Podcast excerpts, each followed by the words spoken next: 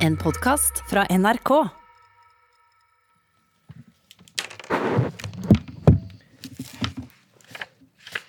Skal vi se, sånn så her er det Der er det lørdag. Det er på tirsdagen at det er det store vendepunktet. Da er det din skrift. I dag fikk vi vite at lillebror har en arvelig genetisk sykdom. Det er alvorlig. Nyrene hans fungerer ikke som de skal. Storebror kom på besøk på sykehuset, spiste is og ble frastjålet en lekebil på felleslekeplassen. Nadina og Harald sitter med dagboka de skrev til Tobias. De er kommet til tirsdagen, da de fikk vite hva som var galt. Både Nadina og Harald var bærere av en genfeil uten å vite det, og nå gikk sønnen deres en veldig usikker framtid i møte. Jeg tenkte, jeg husker jeg tenkte da jeg skrev det Jeg må skrive litt om jeg må skrive litt om begge, fordi når de skal lese det når det blir stor, så kan det ikke bare være masse tull med storebror, men det kan heller ikke være bare at det er kommet en lillebror som er så syk. Nei. Der begge to må få lese at det skjedde noe med de den dagen. Ja. Og det må med begge deler. Det var, en del av, det var liksom en del av den dagen, det.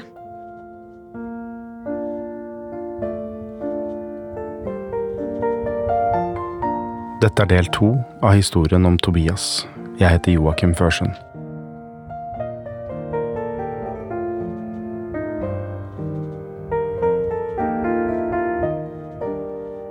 Kan ikke du si hva den sykdommen heter, da?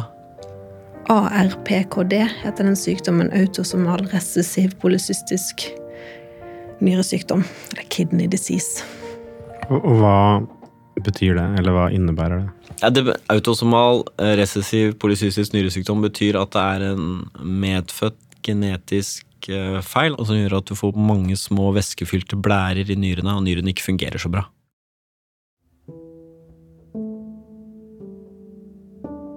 Tobias er tre dager gammel når han får denne diagnosen. Nyrene hans vokser, men de fungerer ikke, og lungene hans er for små til at han greier å puste sjøl. Han ligger på nyfødtintensiv avdeling sammen med titalls andre barn som også kjemper for livet. Og Nadina og Harald veit nå at sønnen deres ikke skal hjem med det første. Vi får bonger til å spise mat i kantina på Rikshospitalet. Vi får parkeringsoblat. Vi får hotellrom på Rikshospitalet, så nå er vi inne i systemet. Slutt på luksusparkering, men eh, til gjengjeld så får vi gratis på den langt unna. Nadina, som var nyoperert, skulle bli på sjukehuset i noen dager, og fordi dette uansett kom til å bli et langt løp, fløy moren hennes inn fra Bergen og flytta inn i huset på Berg. Og Haralds to voksne døtre slapp det de hadde i hendene og tok seg av den daglige familiedriften. De handla mat, de laga middag og henta toåringen i barnehagen. Og på sjukehuset lå Tobias og kjempa for livet, for nyrene hans fortsatte å vokse og gjorde det vanskelig for lungene å fungere. Den genfeilen som Tobias sa, gjør at nyrene bare, de bare vokser og vokser. Og det er selvfølgelig, Da begynner det, de å ta opp masse plass sant, og presser oppover mot lungene, som egentlig skulle utvide seg. Da mer plass, sant. De jobber mot hverandre. Så blir det enda vanskeligere for de lungene å, å modnes. da. Det de liksom beskrev da i løpet fremover, da, som vi fikk liksom beskjed om, eh, var at eh, lungene de må bli bedre. Han må lære seg å puste selv. Og dette kan ta lang tid, men små eh, fremskritt er bare det vi trenger. Så lenge det, vi ser liksom sakte, men sikkert litt fremgang, så er det bra. Hvis det stagnerer, vi ikke ser noe fremgang av tid, så er det ikke bra. Så han trenger eh, pustehjelp. Og det er ikke sånn respirator som bare puster eh, i takt med en vanlig pust, men den, den poffer veldig fort. Så det er små støt av luft. Jeg trodde at det å være på respirator det var en sånn Ja, da får du hvilt, stabilisert ting, men eh, det er en langsom ødelegging av lungene. Nei, det er begrenset hvor lenge man kan orke det. det er jo, eh, og så er det vel også den um, tuben som går ned da i halsen med den luften. Den irriterer oss ned i lungene, gjør den ikke det? Jo, den er veldig fremkaller sånn brekningsreflekser, så det må man få smertestillende for. Og det også er farlig. Det ødelegger eh, hjernen, da, sakte, men sikkert. Gråt han? Nei, det kunne han ikke gjøre, for han hadde slangen nedi munnen. Og da kan han ikke gråte? Da ligger han sperret for stemmebåndene.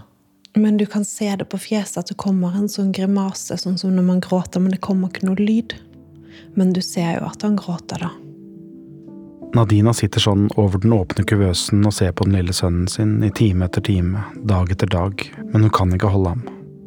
Tobias er kobla til maskiner og måleapparater, han har tuber og slanger inn i munnen og nesa, han har bandasje og teip og ting av plast og metall på kryss og tvers over den lille kroppen sin. Ting som holder ham i live, ting som gjør det umulig for Nadina å løfte ham opp og klemme ham mot brystet sånn som de andre mødrene på fødeavdelinga gjør. Hvor lang tid tok det før du fikk holde han igjen? Det var ganske mange dager. Mm, 4. april var det. Han ble født 23. mars. Ja, Ti dager, da. Nesten over det. Ja, Til du fikk holde han. Til jeg fikk holde han, ja. Da ser vi det på han, at han roer seg, og vi ser det også på de skjermene vi har hvor vi måler pulsen, altså at han roer seg. Og jeg roer meg. Jeg kjenner liksom at den redselen For jeg er jo så utrolig redd for hvordan det skal gå med han, egentlig. Men da bare forsvinner den. Og så er det bare sånn godt å ha han der på fanget. Han har lange fingre som klarer å gripe rundt lillefingeren min. Han har en føflekk på den ene pekefingeren, bitte liten. Og så store tær som står litt sånn ut til siden. At de ikke peker rett frem, men de er liksom litt sånn skrått ut. Det, det hadde jeg ikke lagt merke til før. Og så at han var sånn varm og myk. Han, han, var jo liten og svak, men hadde liksom livslyst nok til å søke etter bryst og prøve å suge på puppene og sånn. Uten at han var sterk nok til å få noe ut av den, da. Ja, da, så, da så vi liksom konturen av en fin, liten fyr.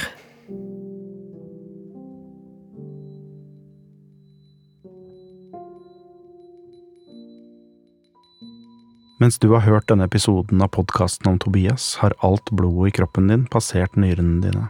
De har skilt ut salt og grums og skadelige giftstoffer og sendt alt sammen ned i blæra. Vann og overflødig væske sendes den samme veien, og når blæra er full, da kjenner du at du må tisse. Sånn fungerer friske nyrer, men sånn fungerte ikke Tobias sine. Hans nyrer sugde bare alt til seg. Det var som å ha to svamper i magen, som A ikke gjorde den jobben de var ment å gjøre, og B bare vokste og vokste.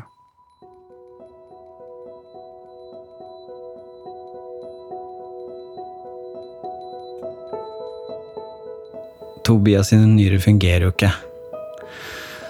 Så da må man finne på noe annet for at vi skal få ut uh, tisset hans. da. Så gjør man det sånn at man putter en slange inn, så den går inn i huden, navlen. Og så inni der så er det et hulrom hvor alle innvollene er inni en pose. Og så, så putter man inn 40 milliliter eksempel med sånn sukkervann inn i buken, og så skal det trekke med seg vann ut igjen. Og vi skal helst ha det sånn at vi får ut igjen av den slangen mer enn 40 milliliter. Hvorfor det? Fordi han får jo vann og væske gjennom inni kroppen. I magen og i blodet. Så noe kommer inn. Vi drikker jo hver dag. Men vi tisser jo hver dag òg. Så det må ut igjen. Så det må ut. Eller så til slutt så er det så mye vann inni kroppen at vannet pipler bare ut i lungene overalt. Da er det, da er det over. Da sitter vi, ikke sant. Vi putter inn 40 milliliter. Så venter vi halvtime. Og så er det på tide å tappe ut igjen, og da kommer det fort. Og vi skal over 40, ikke sant. For ellers så går, går det ikke. Så kommer det opp til 35, og så slutter det å renne. Så det bare drypper det. Kom igjen, et drypp til nå. Er det ikke 40 nå? Nei, sier hun. Det, er, det var 37. Vi endte på 37. Ok. Så neste runde. Venter halvtime. Kom igjen nå. Og så kommer det, åpner opp igjen etter en halvtime. Det fosser ut. Det stopper å renne på 39. Der kommer det en ny dose. 43.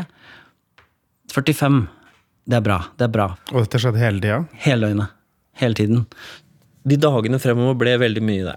jeg våknet opp om morgenen, ett sekund med sånn 'ny dag'.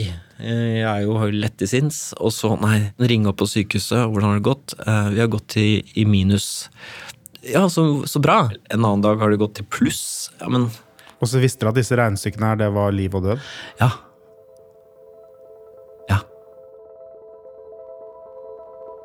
Noen milliliter væske høres lite ut, men hvis Tobias fikk mer væske inn i kroppen enn ut av kroppen, så gikk det ikke framover, men bakover. Væske ut, væske inn. Nærmere livet den ene dagen, nærmere døden den neste. Jeg var på sykehuset hele dagen. Ja, du var der hele tiden. vet du. Og så kom jeg hjem for å være med storebror. Og så falt jeg sammen i sengen og sov, og så dro jeg opp på sykehuset. Og så var det liksom samme dagen etterpå. Opp på sykehuset, være der hele dagen. Hjem. Leke og herje og slåss med en toåring. Og så dro jeg opp på sykehuset. Da Tobias var ti dager gammel og alt fortsatt var uavklart, inviterte Harald noen av oss vennene til sykehuset. Han møtte oss i resepsjonen og tok oss med opp i fjerde etasje. Og så, etter tur, ble vi vist inn i det lille rommet hvor Tobias lå. Hvorfor inviterte du oss, egentlig? Jeg ville at du skulle se Eh, mm. Det er så bilde av sånne syke barn som ligger der ikke sant, med slanger og ja, kanskje noe blod. Og det, det er bare sånn du har ikke lyst til å være der. Og så plutselig var jeg midt oppi det sjøl, og da var det akkurat som Jeg ville at dere skulle se hvordan det var. Altså, at det selvfølgelig var sånn uhyggelig, men ganske sånn hyggelig også. Hverdagslig og rolig og fredelig. Så skjønne hva vi bekymret oss over. Jeg ville vise dere dialysetallene, dette arket med ut og inn, ikke sant? så du skjønte hva det handlet om. Hva vi var redde for, hva vi ikke var redde for. Jeg ville ta dere med i kantina for å se den maten, vise alt. Du må ta den salaten, og han kassafyren der, han pleier å Så du får mer igjen for bongen. At du har alt, alle hverdagslivet. Det er fint å vise det, istedenfor at man får en eller annen idé om det. At vi øh, lever i en slags sånn helvete. øh, Da.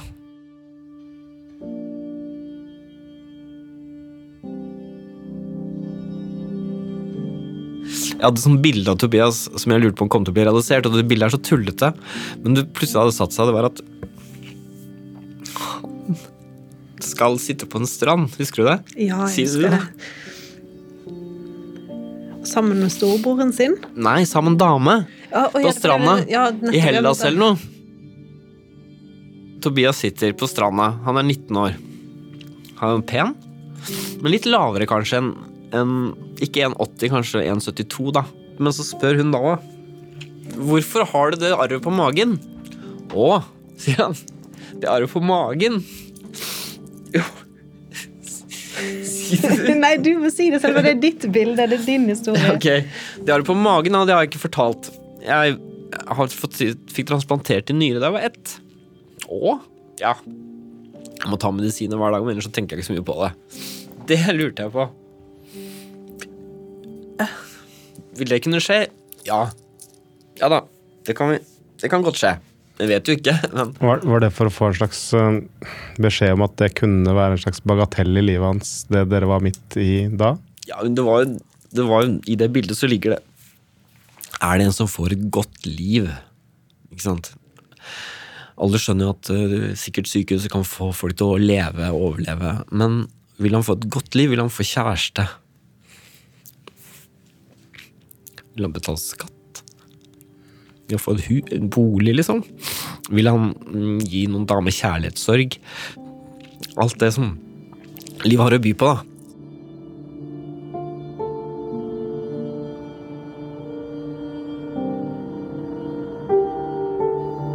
For det, det sa de jo det sa de til oss helt i starten. Vi, vi Målet vårt er et godt liv. Og vi skal ikke behandle bare for å behandle, bare gjøre det ting for det vi kan. Vi, vi skal gjøre det med mål om at man skal kunne leve et godt liv. Ja, det var veldig betryggende at de sa. Ja. Så etter to uker så hadde nyrene vokst fra 6 cm, som var ganske mye, det er litt større enn en fyrstikkeske, ikke sant, til 9 cm. Som er Da begynner vi å ta opp så mye plass i buken, og det så vi. Da var magen ganske sprengt. Det var en tidsinnstilt bombe, så den, da måtte den ene nyra ut. Da ble han fraktet og trillet med Da var de tre sykepleiere og meg da, som trillet han med en sånn oksygentank festet på den lille åpne kuvøsen, og så ble han liksom trillet av gårde bort og skulle på operasjonssal. Og så kommer det liksom til en sånn eh, dobbel glassdør, og så er det sånn 'hit får du være med, men ikke lenger'.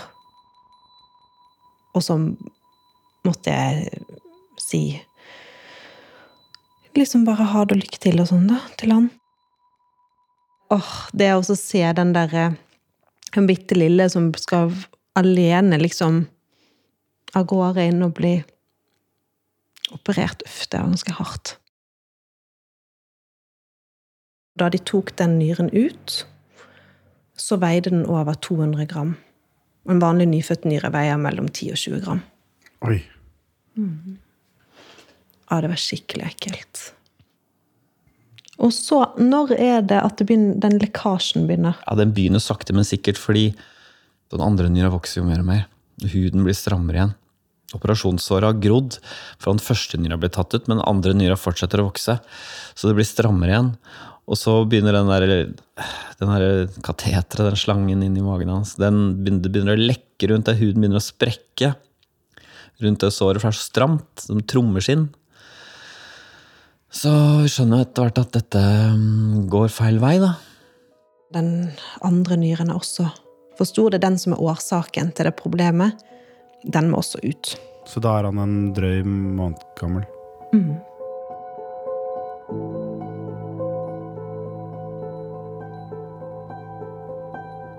Tobias skal, inntil videre, leve uten nyrer. Kroppen hans skal renses av en maskin. Dette vil gi bedre plass til lungene, og kanskje øke sjansene for at han snart kan puste sjøl. 2. mai så tar de ut den andre nyren. Den veide 400 gram. Så den er vokst dobbelt så stor som den første nyren. Den utgjør jo eh, nesten en fjerdedel av hele kroppsvekten. da. Ja. Så etter den operasjonen så var han veldig preget. Da ser han ganske sjaber ut, altså. Øynene er ikke helt igjen av en eller annen grunn, men de har satt sånn der salve for at ikke øynene skal tørkes. Og hva tenker de om framtida da, når de, tar to, når de har tatt to nyrer? Da er planen at uh, han i ett år skal få dialyse, altså tømme kroppen for væske og giftstoffer. Vi skulle flytte hjem, og så skulle det komme to sykepleiere om natta og foreta en sånn nattdialyse eh, i ett år. Og så skulle da man transplantere inn en ny nyre i kroppen hans. Når han har blitt operert, tatt ut nyre nummer to, da går det fire-fem dager hvor han får drikke, det må han jo ha, men han får ikke kvitt noe. Så han da eser han opp, ikke sant, og beina eser opp.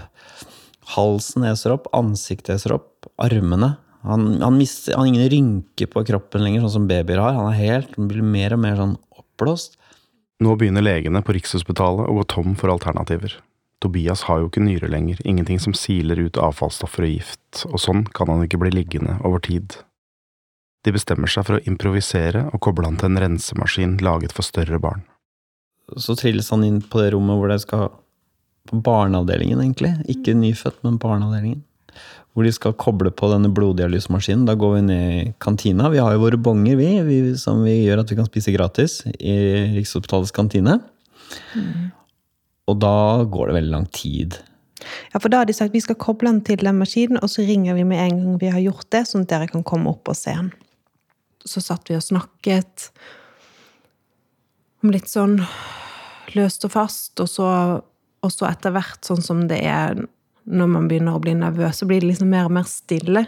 Og jeg blir sånn utålmodig på at nå Nå burde de vel kanskje være ferdig der oppe. Og så sitter man og ser på telefonen sin. Har de ringt? Harald spør har de ringt til deg? Har de ringt?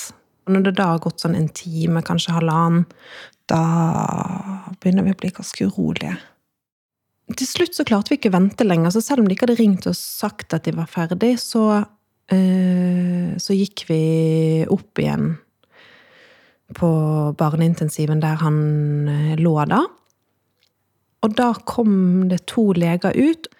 Så sa hun Kom, bli med meg, så går vi og setter oss inn her. Og så åpnet hun døren til et annet rom.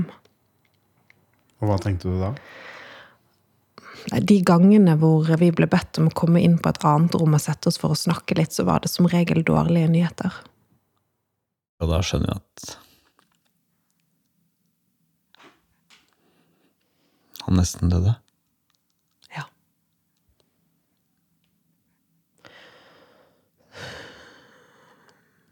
Han reagerte på den maskinen, tilkoblingen til den. Han fikk et sånn De vet ikke hva det var, han reagerte på en slags allergisk reaksjon eller noe sånt. Da sto det liksom tre overleger og pumpa luft inn i han. Ja. Da liksom, hvordan, hva, hva skjer, liksom? Betyr det han holdt, han holdt på å dø, men skal dø hva, ble sånn, hva, Men hva, er han nå utenfor far, eller hva? Nei, det er han ikke. Nå er det time for time. Nå må vi vurdere hver time. Hvordan dette går. Om vi kommer oss gjennom natten.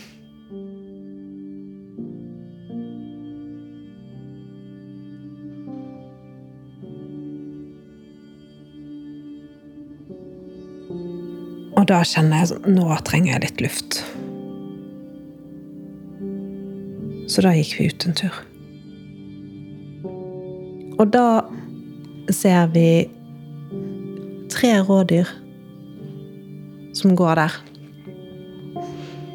Og som ser på oss. Rikshospitalet ligger jo helt oppe markagrensa, helt inntil skogen der, så det er jo en del sånn fin sånn løvskog og litt jorder og sånn. Så vi står der i skumringen. Og så snakker vi om hvordan de rådyrene At de er sånn, sånn evige barn. Det er sånn magisk at de, står, de bare står der, liksom, de rådyrene. Om de andre folkene som går på veien der, de går bare forbi. Er det bare vi som ser dem? Skal ikke alle stoppe opp og se på dette? Dette er liksom det vakreste vi har sett. Så er det sånn, kanskje, å ja, det er kanskje bare oss som ser de da. Det er for oss. Ja, det var for oss, de rådyrene der.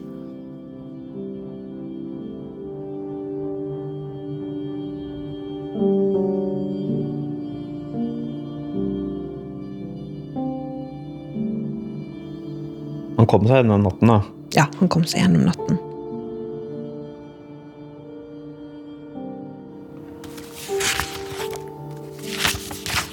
Hvilken sånn minnebok.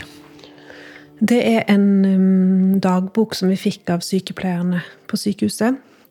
Som de skrev til uh, Tobias, og som de gjør til alle de små pasientene sine som ikke uh, kommer til å huske alt de har vært uh, gjennom. Så det var egentlig til han. Skal jeg lese? Er det et bestemt sted du hadde lyst til jeg skulle lese? Ja, fordi Jo, der. Ja. De gode stundene fra de første ukene ble borte. De nydelige øynene dine, som nok ikke kom til å bli blå, men avslørte en eksotisk bakgrunn, mistet gløden og interessen for livet rundt deg. Kraften i fingrene dine når du tok tak i ernæringsånden og nektet å slippe taket, den avtok. Du gråt mye, ble kaldsvett, grå og klam. Men gleden ved å bli holdt rundt, den beholdte du. Han vred så mye på seg, husker du det? Han, han gjorde ting som han ikke hadde gjort før. Og da, når han vred på seg sånn, så var det så Fikk, fikk liksom ikke roet han. Og da kom en av overlegene inn og sa Vi tror han har delir. Han er psykotisk. Åh, gud, ja, det er det helt Vi må gi han Vi må- gi han psykofarmika, sånn som psykiatriske pasienter får. For nå har han vært på smertestillende så lenge at han, han har egentlig aldri vært helt nykter ikke sant? I hele sitt liv. Så han er egentlig bare helt forvirret, sånn som man kan bli. Og da har de eksperimentert litt med å gi eh, premature barn da, de samme tingene som du får når du er psykotisk. Og så spurte jeg hvor mange har dere prøvd det på. To. Så det var liksom ikke all verden, da. Da begynte jeg å kjenne sånn nå, nå, nå.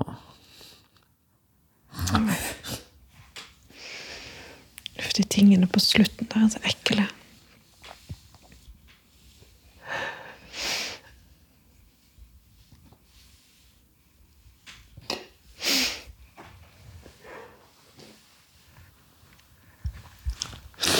Nå er vi så langt unna Ja.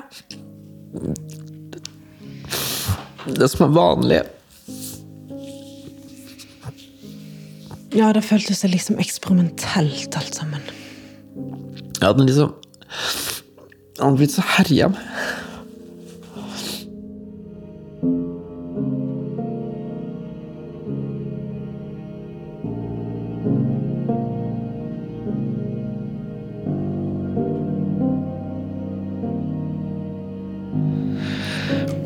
Og så Da var det vel at vi begynte å spørre litt sånn Hva um, Hva er um, Behandler vi for enhver pris? Og så hadde ikke vi snakket så veldig mye mer om det, men på det tidspunktet der så måtte vi liksom spørre sånn Men ok, det der med et godt liv Hva er liksom konsekvensen av den her røffe behandlingen her nå? Jeg tror det er den 14. mai, eller 15., hvor han ene overlegen blir der inne litt. Han penser oss inn på en prat. Han vil få oss til å reflektere om liksom, hva slags liv er det vi ser for oss her, hva er det vi tenker oss? Og det vi etter hvert skjønner, er at utsiktene ikke er sånn som det en gang var. Nei. Det snakket vi litt sammen om. Og vi skjønte at nå driver han og skal sette i gang en prosess, fordi nå kommer det. Og så ble vi kalt inn på et møte 15. mai Ja, det er riktig. om morgenen.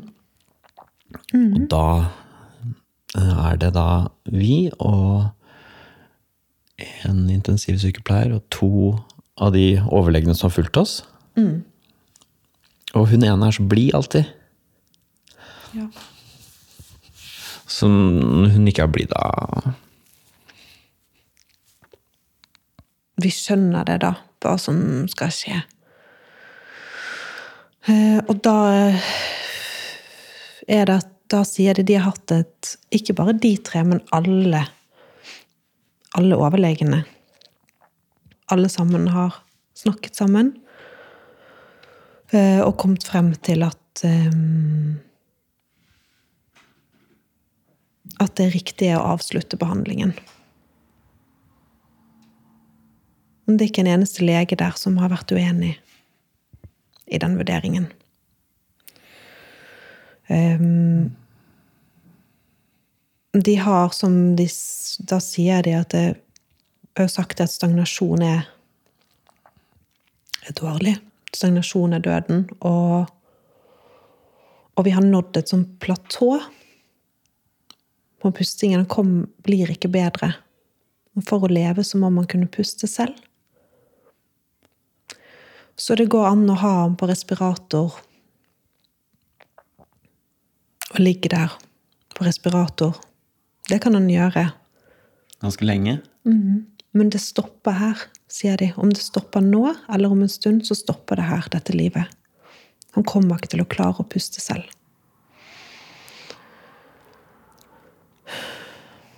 Husker dere hvordan dere reagerte? Eller om dere sa noe? Hva, hva hvis jeg sier nei? Sa du det? Hvis vi nekter å avslutte behandlingen? Ja, hvis vi nekter. Oi, hva, hva skjer da? Hva, sa du det fordi du ville nekte? Jeg ville bare vite hva er dette, Ligger dette på mitt bord? Har jeg noe og liksom, Kan jeg påvirke denne beslutningen? Eller er dette fordi det er en avgjørelse som de legene tar? Hva hadde skjedd hvis vi hadde sagt nei og satt oss på beina? Eh, Da ville det blitt meldt til etisk komité på sykehuset. Og så ville de landet på samme beslutning. Jeg må i hvert fall høre det noen ganger. At det ikke fins en annen løsning. Det er jo en slags Midt oppi alt er en slags lettelse, da. At de sier det. Ja, det, er ikke, det som er, er at det er ikke noe De er veldig tydelige. Det er ikke noe mer vi kan gjøre. Vi får, og, og det at vi har vært så tett på, og vi har liksom sett alt de har gjort, så det er i hvert fall for meg helt tydelig at de har gjort alt de kan og mer til.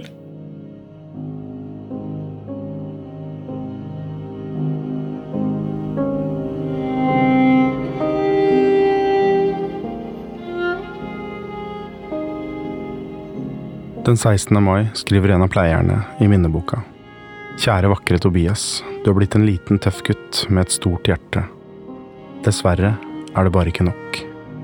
Selv med all den hjelpen og støtten du har fått av mamma, pappa og oss her på sjukehuset, så ble det for tøft.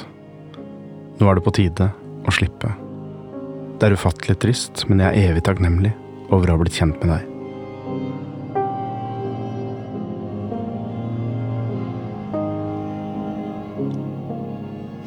Så da ble jo spørsmålet når skal han dø? Uff, ja, og da sa de For dette var 15. mai. Og så Og så sa Og så sa de at siden vi kan bestemme Det er jo Vi kan bestemme når vi avslutter behandlingen, så trenger ingen barn å dø på 17. mai, sa de da. Så da venter vi til 18. mai. Det er vår anbefaling som legene. Ellers så kommer hver eneste 17. mai til å bli en dag som handler om Tobias, da. Så best å la han leve da.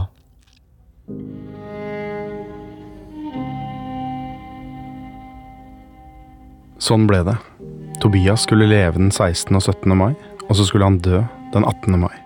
Livet hans ville bli 55 dager langt.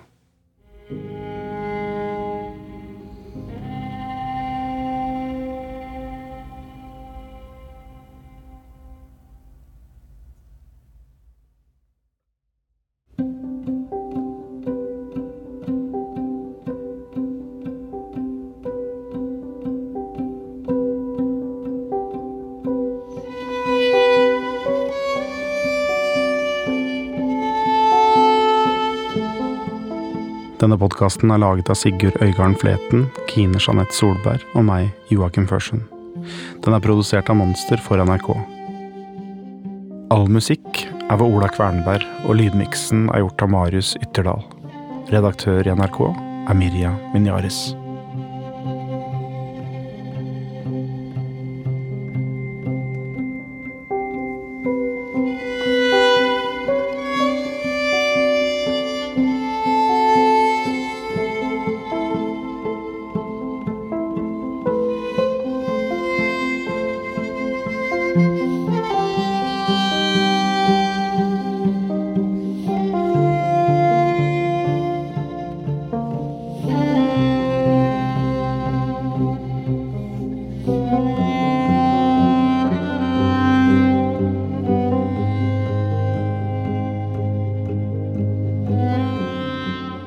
Hørt en podkast fra NRK. Hør flere podkaster og din NRK-kanal i appen NRK Radio.